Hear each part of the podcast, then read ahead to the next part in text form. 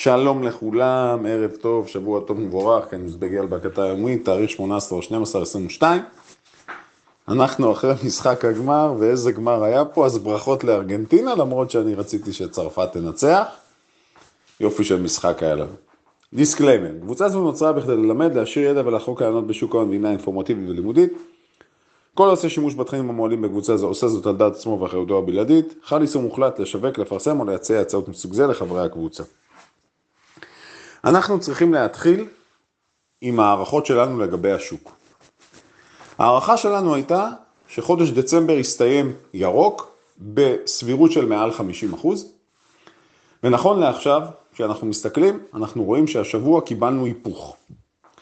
איך בא לידי ביטוי ההיפוך? קיבלנו נר בגרף שבועי, פטיש אדום ומכוער, טווח הנר גדול מאוד באופן יחסי, וממצב שפרצנו ב-QQQ את רמת ה-296, הגענו ל-297, שזה גבוה של בערך שלושה חודשים, קיבלנו היפוך ביומיים שלושה ולמעשה חזרנו עכשיו לרמת ה-274-275 דולרים ב-QQQ.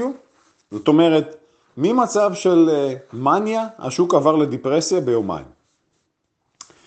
לעומת זאת, בגרף החודשי, עדיין קיבלנו את החודשיים הירוקים הרצופים, אוקטובר-נובמבר, לראשונה מתחילת השנה. זאת אומרת, כמנתח טכני שבוחן עכשיו את הדברים ומסתכל על הדברים, יש פה איזושהי אמביוולנטיות. עדיין ברמת גרף חודשי, חודשיים רצופים, זה אה, מצביע על חוזקה, אבל מבחינת מה שקרה, הנר השבועי הנוכחי, המומנטום הוא שלילי כרגע. ולכן כל אחד צריך לשאול את עצמו, מה אני? אני משקיע? אם אני משקיע זה פחות אכפת לי, אם אני עולה או יורד 5-10% ימינה שמאלה. אם אני סוחר סווינג, אז זה מאוד משמעותי עבורי. האם החודש יסתיים ירוק? כרגע הסיכוי פחות טוב לסיום ירוק של החודש, אין לאן לברוח בכלל. מה אני לוקח מהשבוע? בכל זאת אני לוקח מבחינת האמירה של הפד והפרשנות של המשקיעים. הפד, ופה פעם ראשונה אני חושב שבצורה כזו מובהקת, פתאום מתייחסים לאמירות של פאוול, שעד עכשיו ניסה להרגיע, אז הוא מאוד ניצי. הוא סוג של הפך את אורו. מאותו אחד שבהתחלה אמר שאין אינפלציה, אחרי זה אמר שהיא זמנית, פתאום עכשיו הוא משנה את דעתו ומדגיש שאנחנו לא נוריד את הריבית לפני שנהיה בטוחים שאנחנו בולמים את האינפלציה, ובנוסף לכך כמובן, זה שהוא מצביע בצורה ברורה ואומר, התחזית להעלאת הריבית, אם זה היה חמישה אחוז, אז עכשיו זה כבר חמישה ומשהו אחוזים. זאת אומרת, הפד לא שולט בסיטואציה. אמרנו את זה לכל אורך הדרך, עכשיו המשקיעים באמת מתייחסים לזה, לוקחים את זה בצורה אחרת. גם כשאנחנו מסתכלים על בתי ההשקעות הגדולים בעולם, אז לגבי 2023 היו כאלה שאמרו שבחצי השני של 23 נראה ירידה בריבית, אז פתאום עכשיו הדיבורים הם שונים קצת. זאת אומרת, המקרו משחק תפקיד ואנחנו חוזרים ואומרים, בעינינו המקרו זה הסיפור. אנחנו בסיפור של מאקו, בתור משקיעים, כן? יש פה עניין של מאקו. ואמרתי, קטונתי. אם 40 שנה לא היינו במצב כזה, קטונתי מלחשוב שאני מבין ויודע כל מה, כל מה שקורה עכשיו ומה שיקרה. כי מאוד קשה עכשיו להבין לאן זה הולך. מה שכן, אני אגיד, היות והיום ההקלטה פתוחה לכל הקבוצות, ניהול סיכונים זה המפתח פה. מי שידע לנהל נכון סיכונים, יצא מזה לא רק מתוגמל, אלא אפילו מתוגמל מאוד. מהאירוע המתגלגל, ויש פה אירוע מתגלגל. אז זה בהיבט הזה. עוד דבר חשוב, אנחנו מסתכלים על אפל. אפל הייתה ברומטר תקופה מסוימת. אתם זוכרים, זה היה מייקרוסופט, אחרי זה אפל. אפל כרגע נלחצת מטה בצורה מובהקת. אנחנו דיברנו על זה כבר תקופה, ואני חוזר ואומר, כל הסימנים שאנחנו מזהים כרגע, ואני אסביר, זה מעבר לניתוח הטכני, כן? הפוך אפילו. במקרה של אפל, התחזית שלנו בכלל מתבססת על המצב של הצרכן, כלומר על צרכני הקצה. אנחנו רואים את אפל שוברת את המאה ה-30. זה להבנתנו מה שצריך לקרות, כאשר הדגש והסיבה המרכזית, אם אנחנו נכנסים להאטה, מיתון, סטגפלציה, וואטאבר, אני לא רואה סרט שהיא לא תיפגע מזה. אני לא יודע, אה, הקרדיט שהיא מקבלת והחסינות שהיא מקבלת היא מוגזמת בעיניי.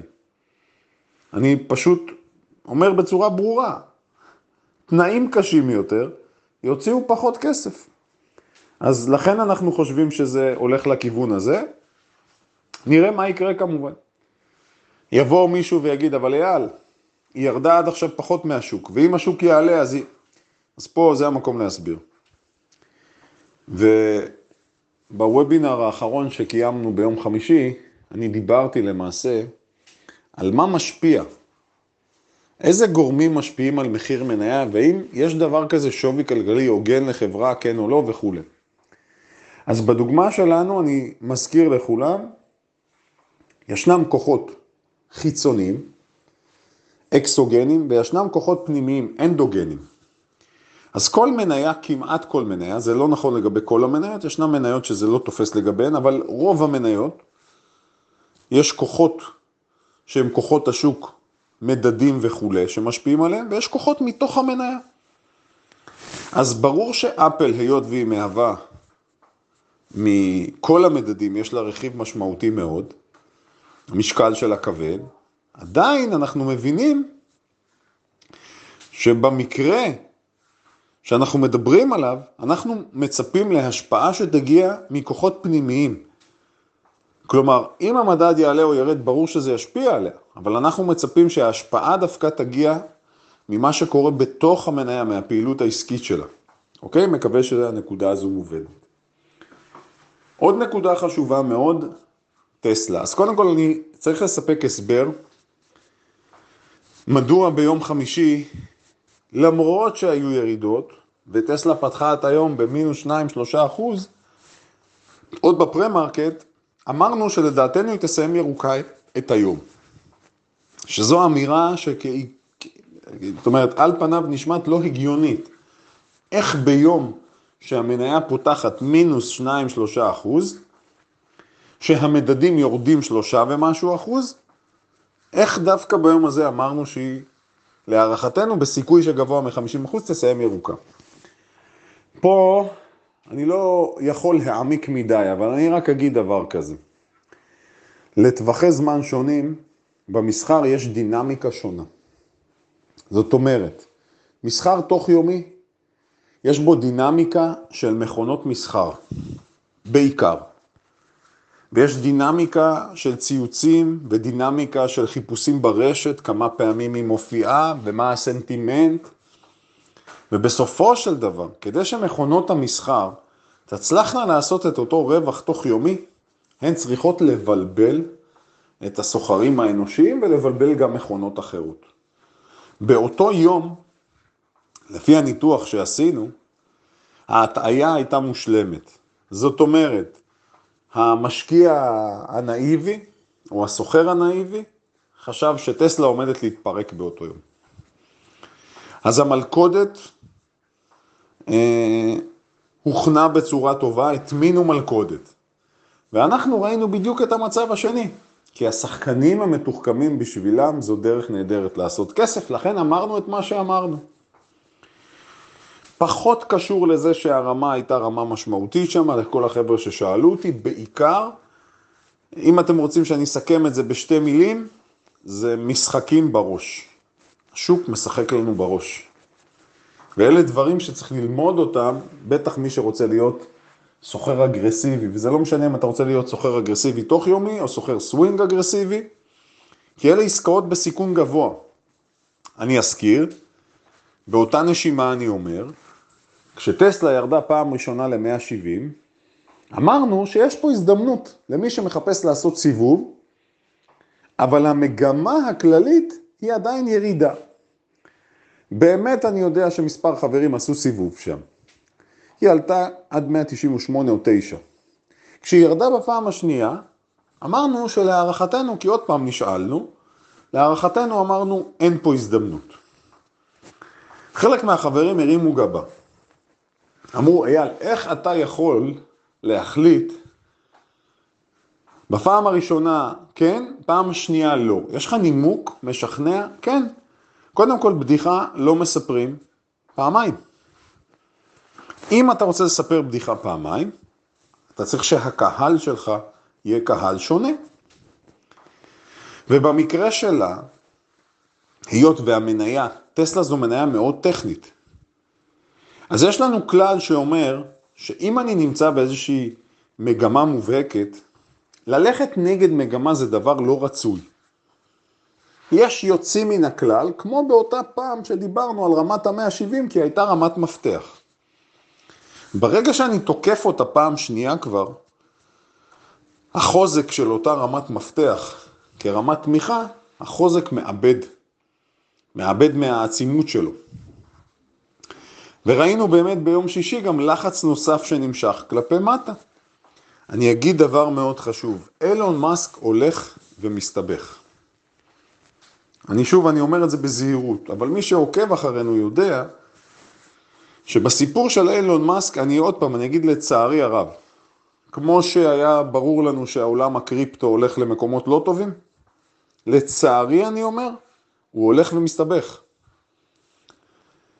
המימון של טוויטר, של עסקת טוויטר, על ידי מכירת המניות שלו, מייצר גלים, ואני בטוח, אני כבר התחלתי לראות במדיה פרסומים לגבי תביעות אפשריות נגדו, ותלונות של משקיעים שפשוט מאשימים אותו בצורה ישירה. חודש כזה שחור לא היה בטסלה הרבה זמן. אז הוא נמצא בבעיה כרגע. עכשיו, התיאוריה של חלק מהשחקנים בשוק וחלק מהחברים שהם מה שנקרא חבר'ה שעוקבים באדיקות אחרי טסלה אומרת שברגע שהוא יסיים למכור את המניות שלו, יגיע היפוך משמעותי כלפי מעלה. אנחנו מזכירים לכם, הוא מכר עכשיו בשווי שווה ערך מניות בשווי של כמעט 4 מיליארד דולר. סך העסקה אנחנו מדברים על 40 בערך, 40, 40 וקצת מיליארד דולר. הנזק שנגרם לו מהעסקה הזאת זה בערך 200-250 מיליארד דולר. אני לא רואה את המשקיעים סולחים על זה בקלות, ולצערו, אה, הוא נכנס לזה בתקופה שבכלל עולם הרכב, אם היינו במחסור ובמצוקה, אז עכשיו אנחנו עוברים למצב של מיתון, באופן טבעי הביקוש ירד. אז האם זה נכון להיכנס עכשיו? גם פה יש לי אמירה מאוד ברורה. משקיע ארוך טווח, או שהיה בטסלה ומכר אותה, או שמחפש כניסה והוא מאמין בה לטווח ארוך, וואלה, אחלה הנחה שבעולם. למרות שאני מדגיש, כתפיסה, בהשקעות ארוכות טווח לקנות מניות שצומחות, זה דבר לא בריא. זה נגד הפילוסופיה שלנו. אז כפי ששאלו אותי לא פעם, אז למה בכל זאת במצבים מסוימים, כמו בנטפלקס אמרת ששווה, כמו בפייסבוק, אתה עדיין אומר שצריך להחזיק אותה עד 140-150, למרות שהיא נמצאת בשפל. פה צריך להבדיל בין תנועות שהן תנועות סווינג, זה יכול להיות סווינג לכמה שבועות, לפעמים אפילו חודשים, לבין השקעה ארוכת טווח. כן, אני אומר, נכון, לא כל דבר, תמיד, בכל כלל יש יוצא מן הכלל, יש יוצא דופן.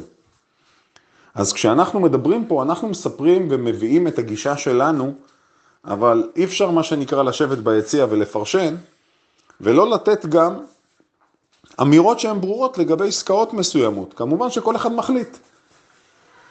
אפרופו פייסבוק, שימו לב שהיא סיימה את יום שישי, למרות הירידות, היא סיימה ירוקה. זו בשורה טובה, אוקיי?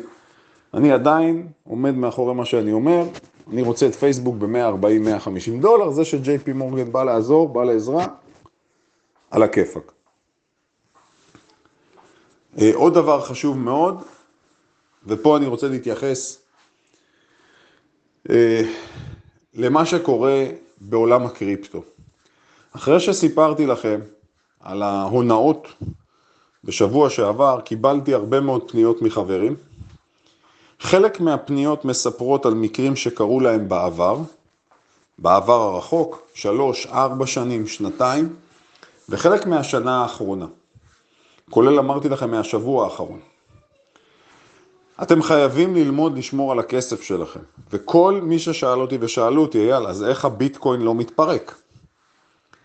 אני מסביר שוב, במיוחד לאור זה שבבייננס יש עכשיו אי סדרים, והיה לחץ משיכות. מה שקורה זה שהשחקנים הגדולים שעשו הרבה כסף בקריפטו, הם שומרים כרגע על המטבעות. בואו נהיה רגע רציונליים. אם אני רוצה לקנות עכשיו איזשהו מטבע, דרך מי אני עושה את זה? באמצעות איזה פלטפורמה? איך אני עושה את זה? עם מי? אני לא צריך שתסבירו לי. כל החבר'ה שמדי פעם אה, רוצים, מה שנקרא, או בקטע טוב, רוצים לתרום מהידע שלהם ולהגיד, אה, יש ארנק קר, יש ארנק חם, אתה יכול לקנות פה. למעשה המערכת משותקת. רק אלה שעשו כסף, מה זה רק? לא 100%, אבל בעיקר מי שעשה כסף, הוא זה שמתעסק עם הקריפטו. הסברתי לכם, אם גוף או אה, סוחר מסוים הרוויח 100 מיליון דולר מהקריפטו, אז מה אכפת לו להגיד יאללה 20-25 מיליון, בוא נשחק איתם. בוא ננסה להציל את העולם. את העולם של הקריפטו, בשביל שהוא יוכל לייצר עוד כסף. זה לא נגמר, אני אומר לכם, גלי ההדף בעיצומם. אני אומר את זה כי עוד חברים מתפתים, אל תתפתו בבקשה. נקודה נוספת מאוד מעניינת, ראינו מניה COSM שהתפרעה. מי שיבדוק את הפרופיל של המניה, אנחנו חוזרים שוב לכך שהכל מתחיל ונגמר בתעודת הזהות של המניה. הפלוט הנמוך, ריברס ספליט, משחקים של מכונות, אלה דברים שאתה לא יכול להתעסק במסחר מבלי להבין אותם. הייתה לי השבוע, אה, היו לי, סליחה, שתיים או שלוש שיחות עם סוחרי יום. עכשיו אתם יודעים את דעתי על מסחר יומי. מסחר יומי מתאים לאנשים מאוד מסוימים, או לכאלה שהם סקרנים ורוצים להבין את התחום, או לכאלה שמבינים שהם עושים את זה לא כמקצוע עיקרי, היות ו-95% יפסידו את הכסף.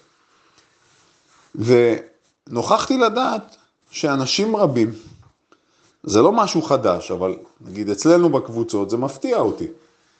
דיברתי עם שניים, עם שני סוחרים, שהם לא יודעים דברים שהם דברים בסיסיים שאתה חייב לדעת אותם. אגב, הם סוחרים רווחיים, לטענתם. אבל הם לא מסתכלים על תעודת זהות של מניה, מבלי להסתכל על תעודת זהות של מניה, אתה לא יכול להיות day trader בעיניי. זה לא הגיוני בכלל. אז אני אומר לכם, שוב, כביקורת בונה, תמיד יש לאן להתפתח, תמיד יש לאן לשאוף. אמרתי לכם, כל יום אני בעצמי מוריד את הראש, אומר כל הכבוד לשוק, למדתי עוד משהו. אבל יש מינימום שהוא הכרחי להצלחה. אז תשימו לב, כל אותן מניות שעושות את הספייקים האלה, קל לזהות את זה. זה הדבר הכי קל בעולם, אני דיברתי על זה לא פעם. השאלה אם מתאים לכם להתעסק עם זה. אתם רוצים להתעסק עם הפסקות מסחר? אתם רוצים להתעסק עם כמויות כאלה?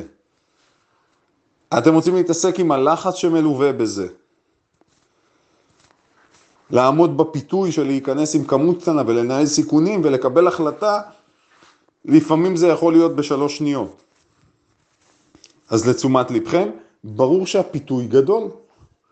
מזכיר לכם, זוכרים את פגאיה שלנו? מ-34 דולר, 60 סנט. אז כדאי שכל אחד יזכור את זה. הלאה. אחד הנושאים המעניינים, ההכרזה, ופה אני אה, התחייבתי לספק תשובות לחברים ששאלו אותי לגבי ההגבלות על רוסיה ומחיר חבית של 60 דולר. אני מזכיר לכם, באירופה, או אם אתם רוצים, יותר נכון, המערב התחייב לא לרכוש חבית נפט רוסית במחיר שעולה על 60 דולר. אני, כשקראתי את זה פעם ראשונה, לא הבנתי איך הם הולכים ליישם את זה. ניסיתי לדלות מידע. אני מודה, המידע שיש בידי אינו מלא. מידע חלקי ואני גם לא, כי עוד פעם אני אומר, קשה לי להבין בפועל איך זה מתבצע. קראתי הרבה, חיפשתי. בפועל, מה שאומרים זה שלמדינות ה-G7 אסור לקנות מרוסיה נפט במחיר של יותר מ-60 דולר, והתקנה הזאת נכנסה בחמישי לחודש. איך בפועל זה הולך להתבצע, אני לא באמת יודע. זאת אומרת, איזשהו ניסיון, אני לא יודע איך הם הולכים לאכוף את זה. כי שוק שחור, אגב, אפרופו זה, אה, מה שכן ברור זה ששוק שחור גדול התפתח בתחום הזה של מכליות. שוק שחור שאגב, רק נזכיר שחוץ ממדינות ה-G7, יש לנו את סין והודו, שסין והודו למעשה מגדילות את צריכת הנפט שלהם מרוסיה ותוקעות לארצות הברית אצבע בעין. אז הבנתי שיש הגבלות על הביטוחים של אותם מכליות נפט. ויש ניסיון לעקוב אחרי זה במערכת הסליקה הבינלאומית. אבל פוטין לא ממש מתרגש מזה, פוטין למעשה צחק מזה. מה שכן, האם זה אומר שמחיר חבית נפט עומד לרדת ל-60 דולר? זו שאלה טובה מאוד. אנחנו בדעה שחבית נפט אה, מהר מאוד צריכה להגיע לקידומת של 6. הגיע, אמרתי, ל-70 דולרים 0.8, נפט מתוק, WTI, נפט טקסני מתוק, הגיע ל-70.08. מזכיר לכם, יש את הנפט המתוק ויש את הברנט, שזה הנפט האירופי, הנפט האירופי יותר יקר, מחיר חבית. אבל זו שאלה טובה מאוד. בכל מקרה, אם זה ירד לאזור ה-60, זה יעזור להוריד את הלחצים האינפלציוניים. אז אם פוטין רוצה לעשות הברית בלאגן, הוא אמור להעלות את מחיר הנפט. בקיצור, יש פה מאבק שהופך להיות, אמרתי, מאבק בין גושים. אבל ההשפעה שלו תהיה משמעותית מאוד. כדי לקבל מושג, סין מייבאת כמעט מיליון חביות ליום. 0.9 אם אתם רוצים לדייק. הודו גם מייבאת משהו כזה, 0.8, 0.9. מיליון חביות ליום, והן עושות את זה בריש גלי, הן קונות מרוסיה. אז לכן, אה, גם בחזית הגיאופוליטית, יש פה עניינים משמעותיים. זהו להיום חברים יקרים, שיהיה לנו שבוע מסחר מוצלח ומהנה.